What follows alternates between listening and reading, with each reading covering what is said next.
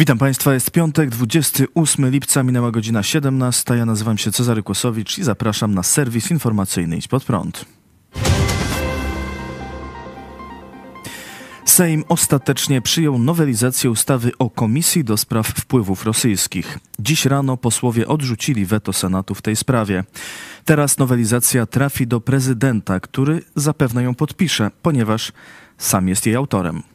Przypomnijmy, w maju weszła w życie ustawa o powołaniu Komisji do spraw badania wpływów rosyjskich na bezpieczeństwo wewnętrzne Polski w latach 2007-2022, którą prezydent podpisał kilka dni wcześniej. Andrzej Duda już 2 czerwca stwierdził, że trzeba zmienić ustawę, którą dopiero co podpisał i złożył projekt nowelizacji. Zmiany dotyczą wzbudzających największe oburzenie tzw. Tak środków zaradczych. Według pierwotnej wersji ustawy członkowie komisji wybierani przez Sejm mogliby nakładać na osoby, co do których stwierdzą uleganie rosyjskim wpływom, Kary takie jak zakaz sprawowania funkcji publicznych, dostępu do informacji tajnych, czy też zakaz posiadania broni. Nowelizacja likwiduje środki zaradcze. Komisja będzie mogła tylko stwierdzić, że osoba, wobec której ustalono, że działała pod rosyjskimi wpływami, nie daje rękojmi należytego wykonywania czynności w interesie publicznym. Ponadto w komisji nie będą mogli zasiadać posłowie ani senatorowie. Partie opozycji PO, Lewica, PSL i Polska 2050 zapowiedziały, że nie będą uczestniczyć w pracach komisji. Twierdzą, że komisja ma służyć tylko temu, by wykluczyć przeciwników PiS z życia politycznego. Nazywają ustawę Lex Tusk. Podnoszą też, że nawet po nowelizacji ustawa będzie niezgodna z konstytucją. Polska i Tajwan zacieśniają współpracę w dziedzinie technologii i telekomunikacji. Wiceminister rozwoju i technologii Grzegorz Piechowiak spotkał się wczoraj z delegacją tajwańskich przedsiębiorców i przedstawicieli administracji. Podczas oficjalnego podpisania umowy o współpracy między polską spółką Exatel i największą tajwańską firmą telekomunikacyjną Janhua Telecom Company wiceminister Piechowiak mówił: Porozumienie jest nie tylko biznesowym sukcesem dwóch firm, ale będzie także wzorem i zachętą dla innych polsko-tajwańskich przedsięwzięć. Ta współpraca gospodarcza może przynieść dużo korzyści każdej ze stron. Jak napisano na stronie ministerstwa, porozumienie pozwoli polskiemu operatorowi telekomunikacyjnemu na wejście na rynek azjatycki i dalszą ekspansję międzynarodową. Janhua Telecom Company jest największą tajwańską firmą telekomunikacyjną i liderem technologii 5G. Jest to pierwsze tego typu porozumienie między spółkami technologicznymi z Polski i Tajwanu. Wiceminister Grzegorz Piechowiak jako pełnomocnik rządu do spraw inwestycji zagranicznych wziął też udział w. Tak polsko-tajwańskim okrągłym stole biznesowym. W spotkaniu, które dotyczyło technologii 5G, półprzewodników i branży telekomunikacyjnej uczestniczyli przedstawiciele wielu ważnych tajwańskich firm.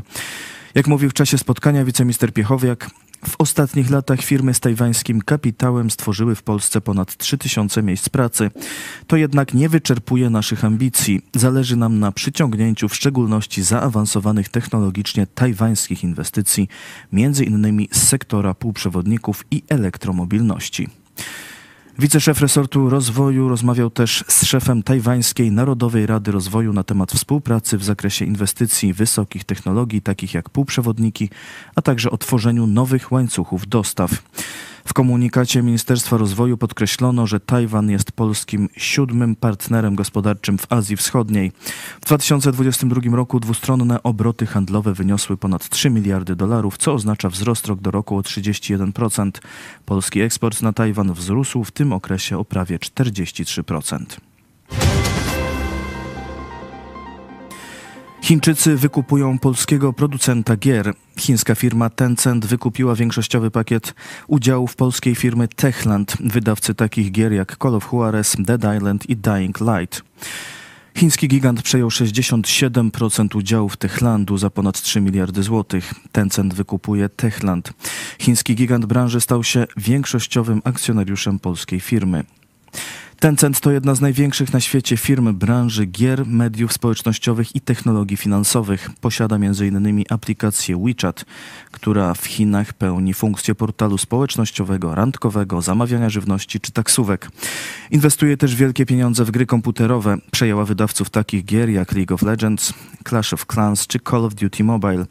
Tencent jest bezpośrednio związany z komunistycznym rządem Chin. W swoich aplikacjach stosuje ostrą cenzurę, blokuje niewygodne dla władzy nagrania i zdjęcia, zamyka konta krytyczne wobec chińskich władz.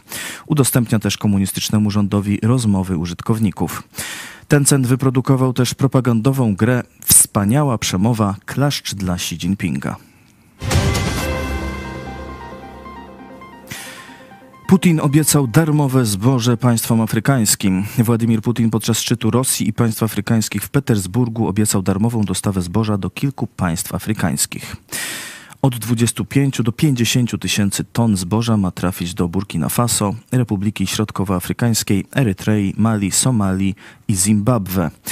To nie jest duża część rosyjskiej produkcji, ale dla tych krajów może być znaczącą pomocą, choć na przykład prezydent Zimbabwe Emerson Mnangagwa stwierdził, że jego kraj nie cierpi na brak zboża, ale jest wdzięczny za ofertę.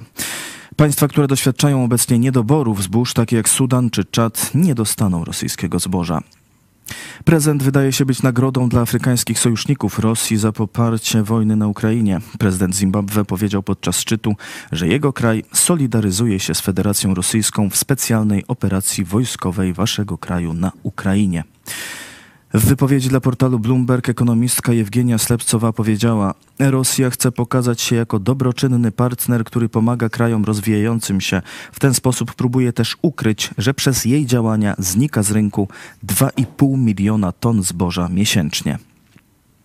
Niedawno Rosja znowu zablokowała możliwość eksportu zboża z Ukrainy przez Morze Czarne. Ukraina jest jednym z największych producentów zbóż na świecie. Duża część eksportu ziarna z tego kraju trafia do krajów afrykańskich. Donald Trump z kolejnymi zarzutami. Wielka ława przysięgłych południowego dystryktu Florydy przedstawiła kolejne oskarżenia wobec byłego prezydenta USA Donalda Trumpa. Według śledczych były amerykański prezydent utrudniał prowadzone przeciwko niemu dochodzenie w sprawie przetrzymywania tajnych dokumentów w prywatnej posiadłości na Florydzie. Nowe zarzuty dotyczą m.in. próby niszczenia dowodów w tej sprawie. Trump miał polecić usunięcie nagrań z monitoringu, by nie zostały przekazane Wielkiej Ławie Przysięgłych. W sprawę zamieszani są także asystent Trumpa Walt Nauta oraz drugi współpracownik Carlos de Oliveira. Według zeznań, gdy sąd nakazał przekazanie nagrań z monitoringu, De Oliveira napisał do jednego z pracowników, że szef chce, żeby serwer był skasowany. Miał też pytać informatyka, przez jaki czas materiały są przechowywane na serwerze. Trump usłyszał też kolejny zarzut dotyczący przechowywania dokumentów niejawnych. W sumie na byłym prezydencie ciąży ponad 30 zarzutów. Rozpoczęcie procesu wyznaczono na 20 maja przyszłego roku. Między styczniem a czerwcem będą rozstrzygać się prawybory w Partii Republikańskiej, które wyłonią kandydata tej formacji na urząd prezydenta. Obecnie zdecydowanym liderem w sondażach jest właśnie Donald Trump. Ukraina kontynuuje ofensywę. Instytut Studiów nad Wojną w codziennym raporcie tak opisuje sytuację na froncie. Ukraińskie siły kontynuowały operacje kontrofensywy w co najmniej trzech sektorach frontu i zrobiły postępy w niektórych rejonach. Wygląda na to, że siły ukraińskie nie kontynuują znaczących ataków sił zmechanizowanych na południe od Orichiwa na zachodnim Zaporożu.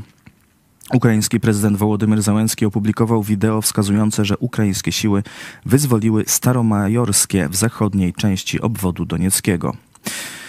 Tuż za miastem Staromajorskie znajduje się Staromłyniwka, która jest bazą wypadową rosyjskich wojsk. Inne nagrania analizowane przez Instytut wskazują, że siły ukraińskie zrobiły mały postęp na północ od Kliszczyjówki pod Bachmutem oraz kolejne postępy na wschód od wsi Robotynę. Jeden z rosyjskich blogerów wojskowych twierdzi, że siły ukraińskie posunęły się w tym rejonie o 800 do 1000 metrów naprzód. Eksperci Instytutu zaznaczają, że Ukraińcy prawdopodobnie posunęli się dalej niż można to obecnie potwierdzić na podstawie nagrań wideo. Jedno z nagrań pokazuje samotny ukraiński wóz opancerzony, który dotarł do rosyjskich pozycji obronnych w pobliżu miejscowości Werbowe, około 3,5 km zaszacowaną przez ekspertów linią frontu. Fakt, że pojazd ukraiński dotarł tak daleko, najwyraźniej nieatakowany przez Rosjan, może oznaczać, że Ukraińcy zdobyli w okolicy dużo więcej terenu. Ukraińska ofensywa na południe od miejscowości Orichiv w okolicy Robotyne w dłuższej perspektywie ma zapewne na celu dojście do Morza Azowskiego i przecięcie lądowego połączenia Rosji z Krymem. To wszystko w tym wydaniu serwisu. Dziękuję Państwu za uwagę. Jeszcze dziś o 18. Arystoteles i chrześcijaństwo. Historia fatalnego związku. Część trzecia wykładu Piotra Setkowicza. Zapraszam serdecznie i do zobaczenia.